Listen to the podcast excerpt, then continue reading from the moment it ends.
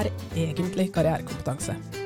Hvorfor er det viktig at deltakere i introduksjonsprogrammet tilegner seg karrierekompetanse? Og hvordan kan karrierekompetanse bidra til å styrke deltakernes motivasjon og følelsen av mestring? Dette er noe av det vi skal forsøke å svare på i dag.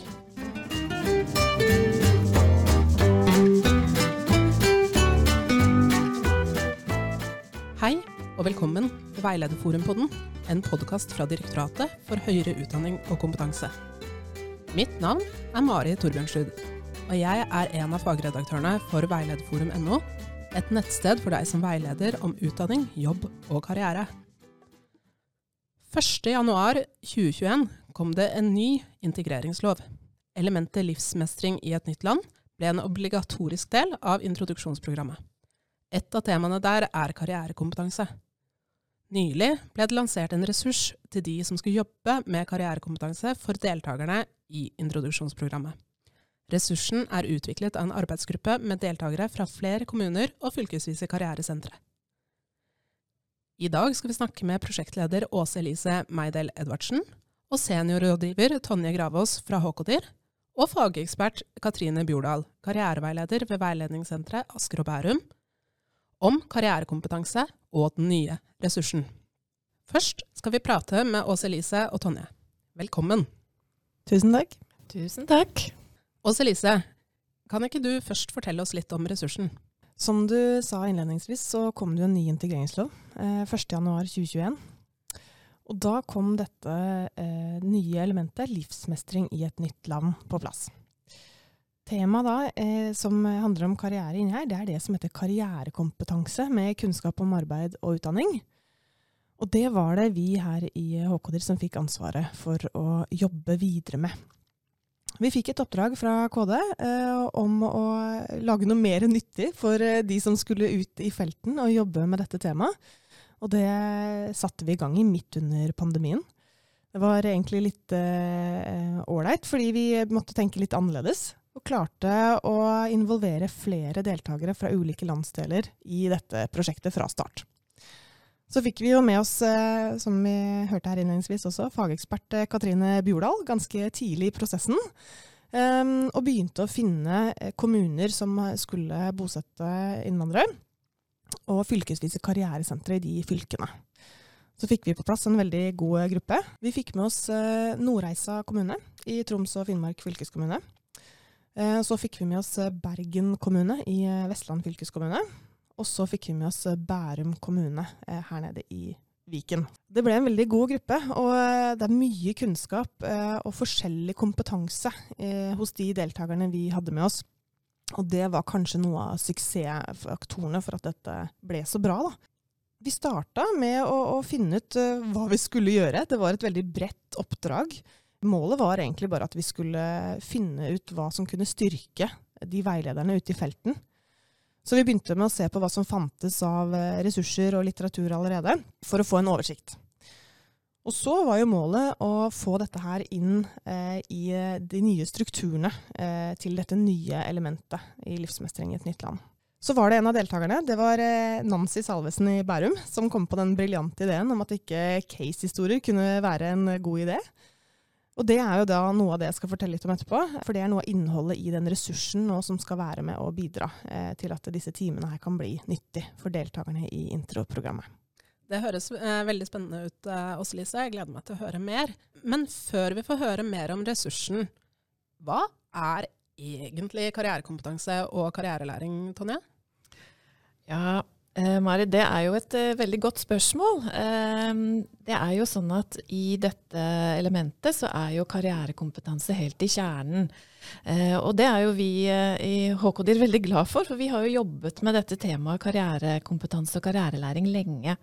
Noen av dere vet eh, kanskje at det er laget et nasjonalt kvalitetsrammeverk for karriereveiledning. Og et av temaene der er jo nettopp karrierekompetanse og karrierelæring. Det er jo fordi eh, karrierekompetanse er en måte å utvide perspektivet på karriereveiledning. Det man gjør når man jobber med karrierekompetanse, er jo å sette fokus på et læringsperspektiv. At man tenker at karrierekompetanse det er noe man kan lære. Eh, og det er kanskje det som er det mest sentrale. For mennesker som skal eh, håndtere sin karriere i forandring og overganger, så vil eh, det å tilegne seg karrierekompetanse være helt sentralt. Vi sier jo at karrierekompetanse er kompetanse til å kjenne og forstå seg selv og sin kontekst, til å handle og ta valg, og til å håndtere ulike dilemmaer og spenninger som kan oppstå knyttet til liv, læring og arbeid. Og karrierekompetanse er på en måte ikke eh, fagkompetanse, sånn som vi ofte tenker på det. Du vet, eh, lære seg å kunne snekre, jobbe med barn, skrive en rapport, reparere biler og kjøre trøkk. ikke sant? Sånne ting. Fagkompetanse. Det er heller ikke det som eh, man noen ganger kaller employability skills. Det der å vite hvordan man skal ha en jobb, eller, eller hvordan man skal takle det å, det å være i arbeidslivet. Men det er en annen type kompetanse som, eh, som, som, nettopp handler om det å håndtere overganger, og det å ta valg, og det å finne ut av sitt eget liv. Og det at dette blitt, eh, har blitt en vesentlig del av eh, elementet livsmestring, tenker vi er helt sentralt. Denne målgruppen, flyktninger som er ganske nylig ankommet til Norge, står jo nettopp i en ganske stor eh, og for mange ganske krevende overgangsfase. Og da er nettopp det å kunne jobbe med eh, karrierekompetanse og karrierelæring helt sentralt. Eh, og dette eh, betyr jo at karrierekompetanse kanskje er spesielt relevant for denne gruppen med flyktninger og nyankomne som, som nettopp opplever en ganske stor overgang. Kanskje er det en av de aller største overgangene et menneske kan stå i. Det er å reise fra sitt hjemland, eh, kanskje eh, ha en flukt, eh, lande i et nytt land og skulle etablere seg helt på nytt og finne ut av hva skal mitt liv og min fremtid være. Uh, og, og, det er kanskje en av grunnene til at uh, karrierekompetanse nettopp er blitt kjernen i dette elementet i livsmestring, fordi man nettopp ser og anerkjenner at det å, å, å bli rusta til å håndtere den overgangen er veldig viktig. Dette høres jo både veldig fint og veldig nyttig ut, men hvordan kan man egentlig legge til rette for karrierelæring? Ja, Det er et godt spørsmål. Det som er litt uh, spennende med karrierekompetanse, er at man kan på en måte tenke at alle mennesker har karrierekompetanse, og at karrierelæring det foregår hele tiden. Bare ved at du på en måte lever og erfarer og, og, og på en måte utfolder livet ditt. Men det som jo er tanken med å bringe karrierelæring og karrierekompetanse inn i en sånn setting som livsmestring, eh, livsmestringselementet, er at da, da, da tenker vi at da skal du jobbe med strukturert karrierelæring. Da er det jo eh, sånn at da setter man seg et, kanskje et tydeligere mål for hva som skal skje av læring i den sammenhengen. Og livsmestringselementet er jo et godt eksempel på det. Og da tenker jeg at det er viktig at de som skal legge til rette for denne læringen, forholder seg både til de rammebetingelsene de har. F.eks. her er det sagt at det skal være 15 timer. Og at de forholder seg til hvem er deltakerne. Eh, hva er deres utgangspunkt, og hva er det de har med seg kanskje av karrierekompetanse når de kommer? Å være nysgjerrig på det kan være ganske viktig. Og så handler det om å ha noen refleksjoner om sin egen rolle. Det å jobbe med karrierelæring og karrierekompetanse er kanskje noe annet enn det å undervise i et fag eller være på en måte i en sånn undervisningsrolle. Det som kanskje særpreger karrierekompetanse, er jo at det er dypt personlig. Det handler jo om deg, hva du er opptatt av, hva, ditt, hva, du ønsker at ditt liv skal handle om. De valgene du skal ta når det kommer til utdanning og arbeid. Og da, da er det, jo ikke, det er jo ikke et fagområde man bare kan lære bort. Det handler om å eh, lage gode rammer for at den enkelte kan utforske eh, sitt eget liv og sine egne mål og ønsker. Og da er det kanskje viktig at den som eh, jobber med det, eh, føler seg trygg nok til å lage gode rammer for dette. Og så tenker jeg at et svært vesentlig utgangspunkt for å legge til rette for god karrierelæring, er jo å forholde seg til hva er disse deltakerne sitt utgangspunkt. Den som kommer til Norge som flyktning, har selvfølgelig med seg masse kompetanse, også karrierekompetanse. Og det å eh, starte ut med å være nysgjerrig og prøve å utforske hva den enkelte har med seg fra hjemlandet, men samtidig også være opptatt av å forstå den situasjonen han eller hun er i akkurat nå. For det kan jo variere veldig, avhengig av eh, hvor han eller hun er i på en måte integreringsløpet sitt i Norge.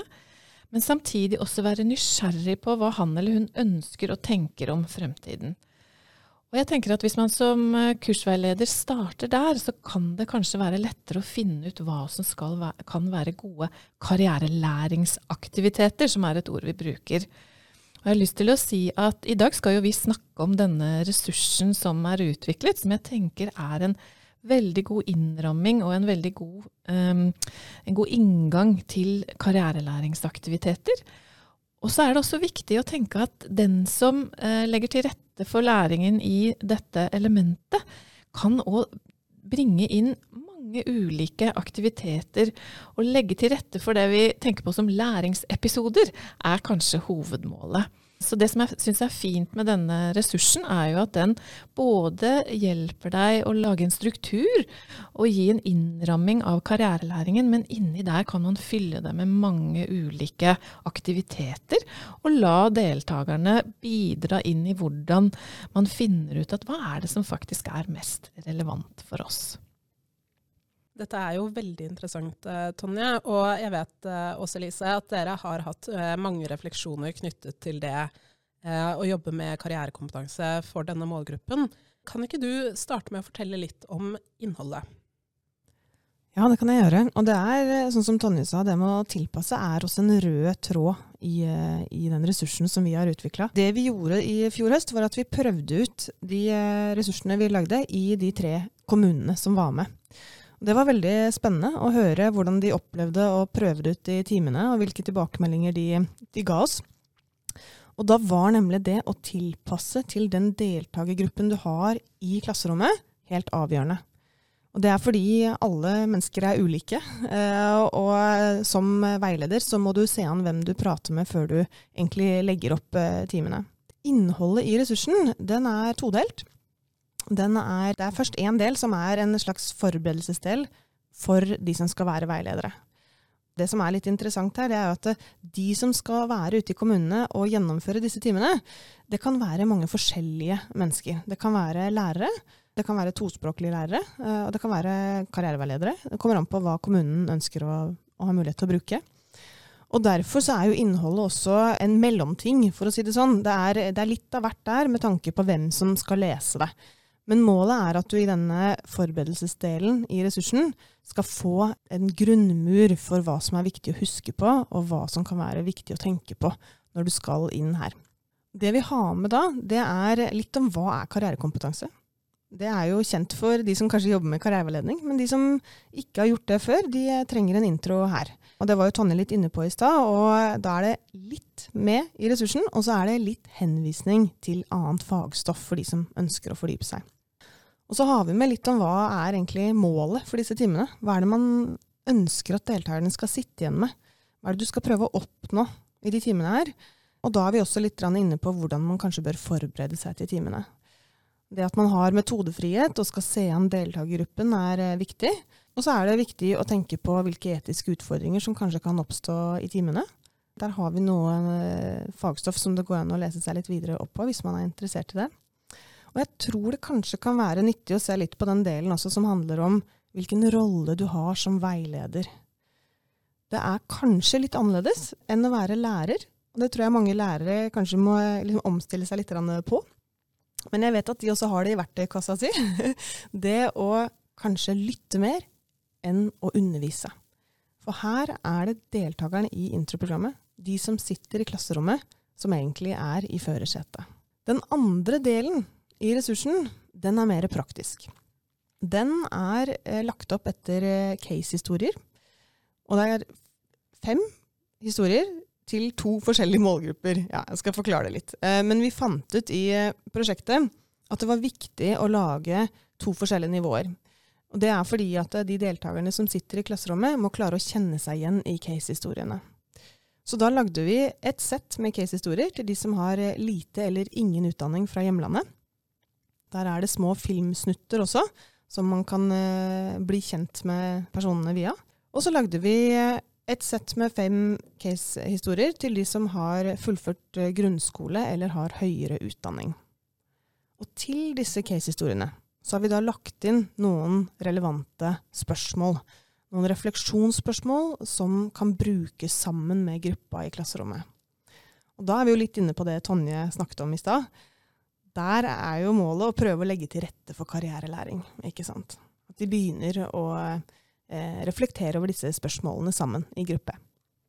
Men uh, også Lise, Tonje nevnte jo det i stad når hun snakket om uh, karrierekompetanse og karrierelæring, at det er jo en veldig personlig ting. Uh, er det noe dere har tenkt på? Det har vi tenkt på, det er et veldig godt spørsmål. Og jeg tror at for denne gruppen her så er det kanskje ekstra viktig eh, å ha med det blikket inn, hvordan man skal eh, regulere timene deretter. Det vi har gjort, er at vi har laget spørsmål til casene som er mulig å drøfte uten å komme med eksempler på egen erfaring. Og det er fordi at det kanskje er deltakere i klasserommet som har eh, traumer, eller som er på flukt fra noe farlig, og som ikke bør fortelle så mye, og ikke vil fortelle så mye. Da kan man diskutere denne case-personens liv og få utbytte av det.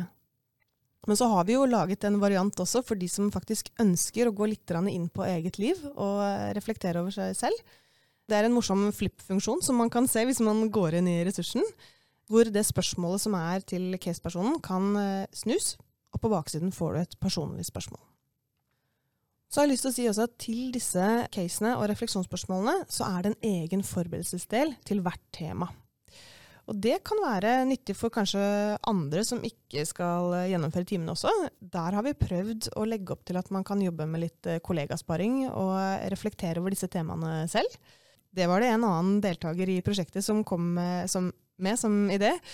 Fordi hvis du skal be noen som har vært på flukt, fortelle om seg selv, å presentere seg selv eller fortelle noe om sin bakgrunn eller eh, sin kompetanse f.eks., så kan det være veldig vanskelig. Og hvis man prøver å stille seg selv det spørsmålet, og opplever at det er vanskelig, så kan man kanskje sette seg litt inn i at det i hvert fall er ekstra vanskelig for dem. Og så er det noen forberedelsesspørsmål som også eh, kan gjøres eh, sammen med andre kolleger, som handler mer om eh, hvordan løse liksom, disse situasjonene som den deltakerne i caset står overfor, fordi de kanskje også ligner litt på situasjoner som deltakerne i introduksjonsprogrammet eh, sitter med. da. Mm. Jeg hører jo at dere har tatt hensyn til veldig mange ting eh, når dere har jobbet eh, her. Men kan du si litt mer om eh, hvordan ressursen kan brukes i praksis? Som jeg var inne på, så tror jeg at eh, noe av det viktigste er å starte med denne forberedelsesdelen. At man blir litt kjent med temaet. Og dette her er jo ofte mennesker som kanskje har litt kompetanse om målgruppen fra før. Eh, det tror jeg er viktig å trekke inn i det forberedelsesarbeidet. Og så vet vi jo også fra fagfeltet fra før at eh, man lærer jo bedre hvis man jobber sammen med andre. Så jeg tror det er nyttig at man er i hvert fall to kolleger som kan jobbe med, med det faglige eh, i forkant. Så kan man jo velge litt selv hvordan man skal legge opp timene. Eh, jeg har lyst til å understreke det at eh, det er helt valgfritt å bruke disse casene. Det er som et supplement og et tilbud for å ha et innhold. Men der kan man jo se an litt hva man ønsker å bruke. Og vi så også i utprøvingen at det kan hende man skal bruke noen av de casene som er for den andre målgruppa, til sin målgruppe. Selv om de har en annen utdanningsbakgrunn. Og det er fordi at noen av casehistoriene kanskje treffer bedre. Så jeg vil oppfordre til å se på alle casene, lese historiene og bli kjent med dem kanskje litt sånn før man går inn i eh, timen. Så kan man velge litt selv hva man skal bruke. Karriere er jo et eh, begrep som, eh, som kan føles fremmed for en del mennesker. Og også dette med karrierekompetanse er jo ikke nødvendigvis noe mennesker fra andre deler av verden og som har flyktningbakgrunn, har møtt så mye på. Men hvordan møter deltakerne temaet karriere på ulike tidspunkt i introduksjonsprogrammet? Ja, det er bra du spør om, faktisk. Fordi eh, det sa jeg kanskje ikke innledningsvis, men det er jo 15 timer som er minimumstallet for, for dette temaet her. Og eh, det høres kanskje mye ut, men det er egentlig ikke så veldig mye. Den tiden går fort.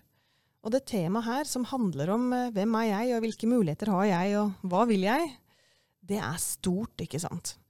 Og Da tror jeg det er viktig å huske på at de møter dette her om arbeidsliv og karriere og jobb på flere eh, steder i introduksjonsprogrammet. Samfunnskunnskapen har en egen modul som heter Utdanning, kompetanse og arbeidsliv. Det kan lønne seg å samarbeide med samfunnskunnskaplæreren. Kanskje det også er samme person noen steder, faktisk. Så kan man spille litt på hverandre der. Og så er det jo sånn at uh, ulike kommuner har ulike programmer og kanskje utdanningsopplegg som uh, berører disse temaene her i egne fag. Og det har vi tenkt litt på også når det gjelder innholdet. Og også gjort det, jeg tror vi har skriftliggjort også noen steder, at det, uh, dette her er en intro til disse temaene. Det er ikke meningen at deltakerne skal få all kunnskap om utdanning og arbeidsliv gjennom disse 15 timene her. Dette er hovedsakelig refleksjonsspørsmål eh, som skal sette i gang prosesser. Og så kan det hende at uh, noen også jobber med CV-skriving, f.eks. i norsktimen uh, osv. I tillegg så er det jo sånn at uh, det andre temaet i livsmestringselementet, det som heter migrasjon, helse og mangfold, de har et eget undertema som heter ny hverdag i Norge. Og der er det også noen overlappende temaer til uh, f.eks. det som handler om meg i kontekst innenfor karrierekompetanse. Så her er det flere steder de møter disse temaene.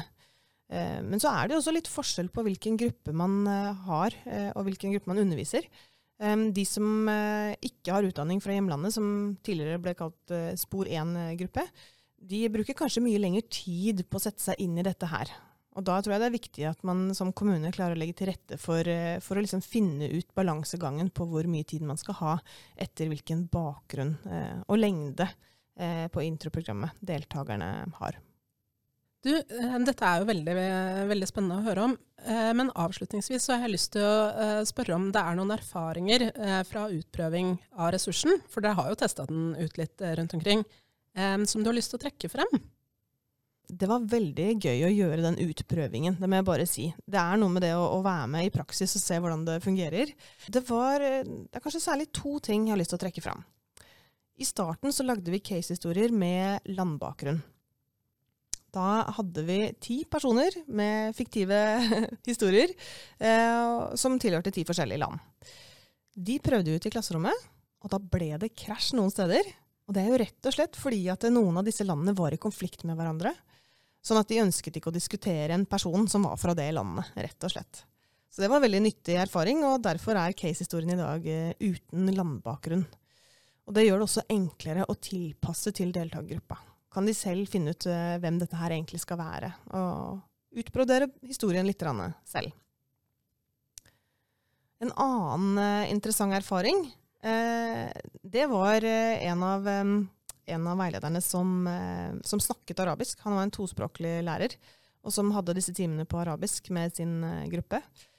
Han sa jo at uh, det fløyt veldig godt, uh, og det gjorde det også i de timene med tolk, må bare si det. Men uh, det som var morsomt av det han fortalte, det var at det var noen av deltakerne som rakk opp hånda etterpå og sa at det er første gang de faktisk har snakket om dette her høyt. Ikke bare det å sitte og ta imot læring og informasjon, men at de selv reflekterer over hva som er riktig for dem, og, og hva de selv vil, og, og sitt eget liv. Og det syns jeg var veldig fint å høre. At det kan bidra til at de faktisk får en litt ny erfaring. Og det er jo læring i seg selv også, eh, å reflektere. Å vite hva man selv på en måte kanskje Eller bli litt kjent med seg selv. Det tror jeg kan være nyttig på andre arenaer i livet deres også, ikke bare det som handler om karriere. Det er jo en veldig fin erfaring eh, å ha med seg videre i lansering og, og videre bruk. Nå skal vi ønske Katrine Bjordal velkommen. Takk. Katrine, du er jo karriereveileder ved Veiledningssenteret Asker og Bærum. Um, og I tillegg så underviser du i flerkulturell veiledning på Universitetet i Sørøst-Norge. Du har vært fageksperten i prosjektet, Katrine. Velkommen til deg. Takk skal du ha. Eh, hyggelig å være her. Og jeg vil jo også ta med at eh, fagekspert det høres flott ut, men du verden for en fin og kompetent gjeng vi har vært i denne arbeidsgruppa gjennom hele prosessen. Det har jeg bare lyst til å presisere. Men Katrine, hva er det som er viktig å tenke på som veileder når du skal jobbe med karrierekompetanse for denne målgruppen? Det er et stort og veldig viktig tema eh, som eh, jeg har lyst til å si litt om. Det at vi har en felles forståelse for dette begrepet. At vi har en felles forforståelse, som Tony sa tidligere, for dette begrepet karrierekompetanse. Om at her er det noe som skal læres for å gi en spesiell kompetanse, nemlig karrierekompetanse. Dette fordrer jo at vi har en forståelse og er enige om ordenes innhold og begrepenes betydning. Og bare ordet karrierekompetanse forutsetter at vi forstår innholdet likt, og at det igjen forutsetter en god forståelse for norsk skolesystem og arbeidsliv. Og når du får dette introdusert på norsk, så sier det seg selv at det krever et relativt høyt norsk nivå. Og i ressursen så har vi også klart å snakke om hvordan og hva vi legger i karrierelæring og karrierekompetanse med tolk til stede. Og det igjen forutsetter at tolken har et solid eh, norsk nivå, er godt kjent med vår forståelse og vår tolkning av ordene vi bruker. Så allerede der i introduksjonen så tenker jeg at det er viktig å tenke på som veileder når du begynner å jobbe med denne ressursen. Og bare for å ta et ord som karriere, f.eks. Det ble nevnt her i stad. Det er jo et ord som mange ikke-vestlige flyktninger oversetter til noe annet enn arbeid. Og ikke noe galt med arbeid, men da blir plutselig konteksten en litt annen. Så det å være oppmerksom på hvordan vi bruker våre begreper, og hvordan vi stiller spørsmålene våre i møte med flyktninger som ikke kjenner vår kultur og vårt språk, så tar dette litt tid. Og det krever også litt tid i samarbeid med de tolkene som er til stede. For det er forskjellig på forskjellige språk i forskjellige kultur kulturer. Og jeg tenker at egentlig så er dette noe vi som karriereveiledere bør tenke på i møte med alle våre veisøkere. Så vi kommer jo alle fra våre kulturer og forstår kanskje ting ulikt, selv om vi har vokst opp i samme land. Eh, og det at hvis vi da ser for oss at vi begynner på en sånn type gruppeveiledning som denne ressursen krever, og som også Elisa snakket om, så er det jo viktig at vi har en felles forståelse for hverandres betydning av ordene. Og for å kunne ta ditt perspektiv og deres perspektiv, så, så, må, uh, så må, det, må, vi bruke litt tid på å utfordre oss selv og veisøkerne, eller deltakerne i denne prosessen, i å få tak i hva som er hensikten med dette her. Hvorfor gjør vi dette her? Og hvorfor ønsker vi å ha denne gruppesamtalen? Som Åse Elise refererte til i stad. Det er veldig hyggelig i de gruppene hvor vi fikk sånn respons med en gang på at dette ga mening. Endelig kunne vi snakke sammen. Og det å få fram på en måte nettopp den stemningen og den eh, tilliten og den tryggheten der, det må jo være veldig viktig ting å tenke på som veileder. Og så har jeg veldig lyst til å si at dette eh, for meg som veileder er å si at vi ikke generaliserer for mye og putter alle flerkulturelle opp i en og samme gryte og snakker om at uh, vi har jo en tilnærming til karriereveiledning, nemlig at denne troen på likeverd og respekt det gjelder jo alle uansett hvor du kommer fra eller skal til. Så det der å ta utgangspunkt i de etiske og faglige prinsippene som all type karriereveiledning hviler på, det er noe jeg tenker at vi må være oppmerksomme på i denne jobben. Og så er det viktig å tenke på at når vi snakker om flerkulturelle, eller krysskulturelle er jo også et begrep som kommer mer og mer, er at uh, vi kan fort skape mye avstand uh, ved å, at det blir en sånn stereotypi ut av dette her. At uh, vi snakker om flyktninger som personer som tilhører en spesiell etnisk minoritet eller en bestemt gruppe osv. Som vi liksom omtaler som de andre. Og jeg liker, jeg liker, veldig godt det som faktisk Veilederforum ga ut for ikke så lenge siden. her Sanna Toivian og Anette Vågeslott og skriver om i sin artikkel om kulturorientert karriereveiledning for flyktninger. Der refererer til, til professor Nancy Arthur, University of South Australia. og sånn. Dette er å at det er så viktig å være konkret i vår forståelse av kultur som konsept. At kultur er overalt. Kultur er limet som forbinder oss med verden. Kultur er, omfatter alt som er sosialt og kulturelt konstruert, fra institusjoner til vaner og verdenssyn. Så at man på en måte gjør det til noe universelt og noe felles, og ikke noe annerledes. Og så har jeg lyst til å ta med en annen viktig person som heter Gideon Arulmani. Han er karriereprofessor fra India. Han ber jo oss vestlige, individfokuserte karriereveiledere se nærmere på hva som motiverer og engasjerer flyktningenes engasjement. Altså hvordan få tak i denne innsatsviljen og denne, dette motivasjonen og engasjementet til eh, å delta i sitt nye vertsland. Og at denne innsatsen, det tror jeg gjelder oss alle, uansett hvor vi er eller oppholder oss i verden, den påvirkes jo av liksom, viljen til å akseptere litt at nå er jeg her. Dette er reglene i dette landet, dette må jeg forholde meg til. Og at kvaliteten på min tilpasning da som flyktning, eller deres tilpasning som flyktning eller deltaker, da, det henger veldig tett sammen med om de opplever at hvis jeg skal tilpasse meg, så må det være en resonans i disse møtene. Det må være noe som gir en gjenklang mellom meg og deg som individ, selv om du er født her og jeg er født der og kommer hit. At derfor så har jeg lyst til å bli en del av dette systemet. Og så oppfordrer Arulmani oss til å undersøke litt sånne ting og være litt sånn obs på i forkant av disse møtene. Og, og, det er jo litt sånn dette med lærte handlemåter og tanker som flyktningene har med seg fra sitt liksom, mentale altså Hva er det du har lært? Sosialt, kognitivt miljø der hjemme? Hvordan tenker man om livet? og, og, ikke minst hvilke karriereforestillinger er vanlig å snakke om i din kultur, der du kommer fra? Og, og hva er det jeg som veileder kanskje bør vite litt om i dette samfunnet og det i forhold til den kollektivistiske kulturen som veldig mange av våre deltakere slash flyktninger har. Eh, hvordan ser de på arbeid? Og hvilken sosial status har f.eks. en økonom fra Syria i forhold til en norsk? Og dette med å sammenligne og kunne at de forstår hvordan dette her ser ut i vår kultur, og blir forstått i vår kultur.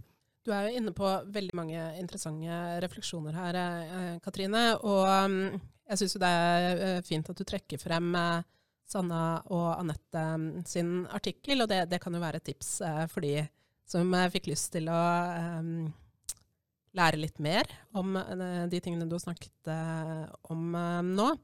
Men Katrine, hvilke fortrinn vil det gi deltakerne å tilegne seg mer karrierekompetanse når de kommer til Norge? nå er jo vi en del av denne felles forståelsen for at dette er viktig. Vi, vi hegner jo om dette her. Vi mener jo om at dette er vik en viktig del av det å være en del av norsk arbeidsliv og utdanningssystem. Så alle flyktningene vi møter, de møter jo veldig mange utfordringer, særlig altså i forhold til egen karriereutvikling, fordi det er så nytt og så annerledes. Og for veldig mange så handler det om å legge en forhistorie helt bak seg og begynne på nytt med litt sånn blanke ark. Mange opplever det. Det er tidkrevende. Og, og sårt for mange å oppleve det tapet av ja, eh, status og tilhørighet. Men den største utfordringen tror jeg også handler om dette med språk. Det ligger jo over som, sånn der, eh, som et bakteppe hele veien. Det å forstå språket, oppfatte ikke minst ordenes betydning og mening, som jeg sa, men å oppfatte alle de der nye kulturelle og sosiale kodene som også ligger i språket. Alle disse småordene og alt vi bruker som vi kommuniserer bevisst eller ubevisst i alle kulturer. Som ikke gir mening når man kanskje hører andre språk snakke sammen. Hva Er de sinte, eller er de, hva er det for noe? Altså, det er mange måter å uttale seg på som vi ikke forstår, fordi vi ikke har den samme konteksten og kulturforståelsen. Men så tenker jeg på alle disse skrevne og uskrevne reglene og normene som former og styrer deres nye virkelighet. Alt, særlig kanskje det uskrevne, det vi ikke kan lese oss til eller oversette med Google Translator. Og det gjør jo at når det du spør om, ikke sant, hva er det, hvilke fortrinn er det, jo at flyktningene vil jo jeg si har et spesielt behov for å få nyttig og relevant informasjon. Og karriereveiledning eller karrierelæring eller karrierekompetanse på en tilrettelagt og forståelig måte for å nettopp unngå de der misforståelsene og der igjen feilvalg. Så når disse karrierekompetansebegrepene har fått utvikle seg og satt seg litt, og forståelsen har satt seg, sånn at man får et at flyktningene selv, deltakerne selv, ønsker å undersøke mer. Det er jo det vi snakker om i karrieresamtalen, at dette blir noe som kommer innenfra, en motivasjon du selv har til å komme deg videre og bevege deg i en eller annen retning. Og at det oppleves som meningsfylt. da. Det er jo så viktig, det sier de alle. Jeg forstår ikke, hvorfor skal vi lære det her? Hva er, Hva er meningen? Kanskje vi er for kjappe noen ganger med å bare tre vår mening og vår forståelse av dette er viktig, før vi egentlig går inn i å snakke om forstår vi det likt.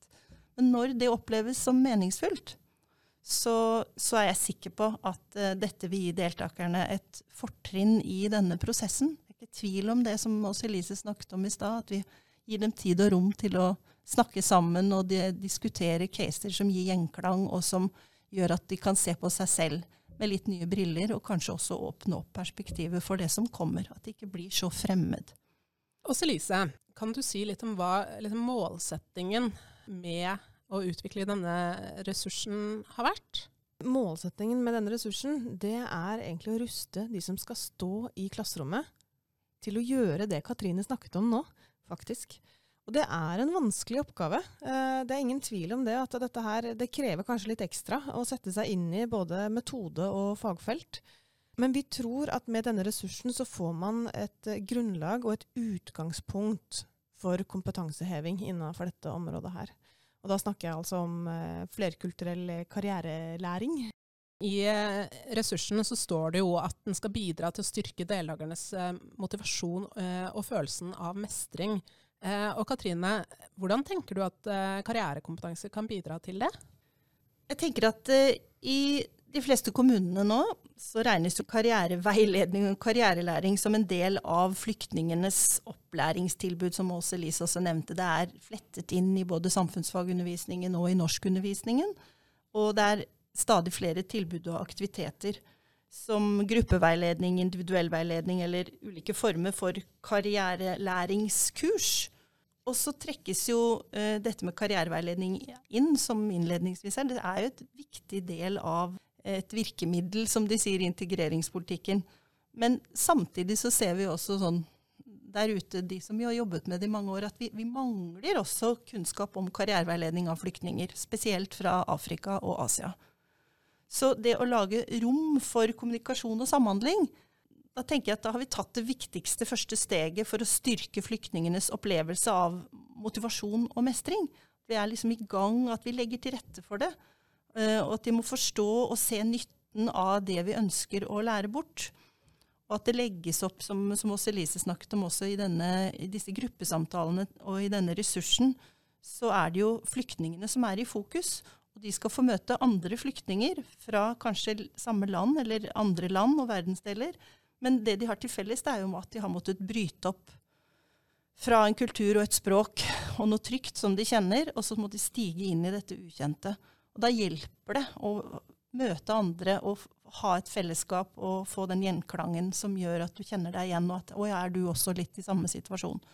Så, så, min erfaring fra undervisning og veiledning i gruppen flerkulturelle, det er jo at samtalen og diskusjonen går jo lettere når en likeperson eh, forteller litt om sin erfaring, kanskje, eller sin opplevelse. Og kanskje hvis ikke likepersonen vil fortelle sin egen, så vil jo casene gi, håper vi, altså gjenklang i flere eksempelshistorier som de kan kjenne igjen, og som trekkes kanskje til eget, eh, tilbake til erfaringer fra eget liv. Og at, ja, sånn som disse karriereknappene, da, hvor vi snakker om valg og tilfeldigheter, tilpassing og motstand. Det er jo det det handler om. Det ene utelukker ikke det andre. Det er, et, uh, spenning, det er en spenning her og en motsetning som gjør at er, du må ta hensyn til begge deler. Både, si, både plusser og minuser ved å gå inn i et nytt landskap som det å lære seg ny, et nytt uh, system og et nytt uh, land å kjenne. Så uansett så tenker jeg det er viktig at vi legger til rette for at karrierekompetanseutvikling er til stede i et miljø der alle føler seg trygge, at de tør å snakke sammen, at de tør å lytte til de andre, eller ønsker det, og så også etter hvert dele erfaringer, sånn at de begynner å løsne dette her og tørre å dele. ikke sant? Og våge å stille kanskje litt kritiske spørsmål, for ikke å snakke om å diskutere noe de er kanskje uenig i. Så det vi som karriereveiledere og veiledere må akseptere, det er at all denne integreringen og all denne kompetansebyggingen vi så gjerne skal få på plass i dette store ressursønsket vårt, det er at ting tar tid. Og at vi må aldri glemme at til syvende og sist så er det følelsene i enhver persons tenker jeg, liv som kan av og til overmanne mange med nettopp det derre tap av usikkerhet og et liv som har forsvunnet. Og at selv om du kommer i prosess, selv om du er i gang med å veilede disse gruppene, så er det, så kan man oppleve et godt stykke ut i introduksjonsprogrammet, kanskje flere år faktisk etterpå for de som er der lenger, at det detter ned en sånn sperre som gjør at de går i lås, at det virker som om læring ikke finner sted. Og det er jo traumer eller andre ting som, som kan overmanne folk på de underligste tider. Det, det, har vi ikke kontroll på, og det kan jo sånne, sånne caser Noen av dette kan trigge, kan sette i gang sånne type opplevelser. og da selv etter lang tids uh, bosetning i Norge. Så, så, ja, ting tar tid. Og det må vi akseptere. Etikk er jo et tema som er veldig sentralt eh, både i karriereveiledningsfeltet generelt, men også i eh, nasjonalt eh, kvalitetsrammeverk. Eh, og jeg lurte på om du, Katrine, avslutningsvis kan si litt om hvilke etiske utfordringer som kan oppstå når man jobber med karrierekompetanse for denne målgruppen? Ja, det er spennende og veldig viktig. For utfordringene, de er der. Og de står av og til litt i kø, kan man nesten føle. Men det viktigste jeg har lyst til å si, tror jeg er at det er jo så stor spredning, som også Elise snakket om i stad. Spor 1, spor 2, 3, de med liten eller ingen skole-, arbeids- eller utdanningsbakgrunn, og de med høy. Så er det veldig forskjellig kjennskap til systemet, og veldig stor spredning i hva de behersker av språk.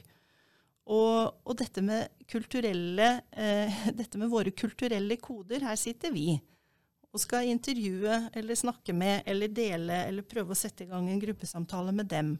Og at større avstand dette blir, kan jo øke en slags maktforskjell i dette veiledningsrommet. At uh, dette maktforholdet kjennetegner jo oss alle, og det bør vi være veldig oppmerksom på i alle kontekster hvor vi egentlig har samtaler med veisøkere som kommer til oss. Uh, og hvis den maktforskjellen blir veldig stor, så kan dette utføre, eller medføre unnskyld, en, en ubalanse. Og da, Denne ubalansen syns jeg vi skal være veldig oppmerksomme på. Og at den vil også kunne være med å prege samarbeidet, og ikke minst forventningene eh, til deg som karriereveileder, og ikke minst forventningene som en karriere karriereveileder har til flyktningenes vilje og evne til å bli inkludert og integrert. Så vi må være oppmerksom på at det handler om å forstå litt hva dette med likeverd betyr i et demokrati, som vi er født og flest av oss oppvokst med. Eh, som igjen er jo basert på at uh, borgernes deltakelse skal være at vi blir inkludert, og vi har de samme verdiene, og stemmen vår skal høres, vi er frie mennesker, vi er en fri vilje, og vi skal vise ved alle mennesker likeverd, respekt osv. I tillegg har vi ytringsfrihet. Jammen meg.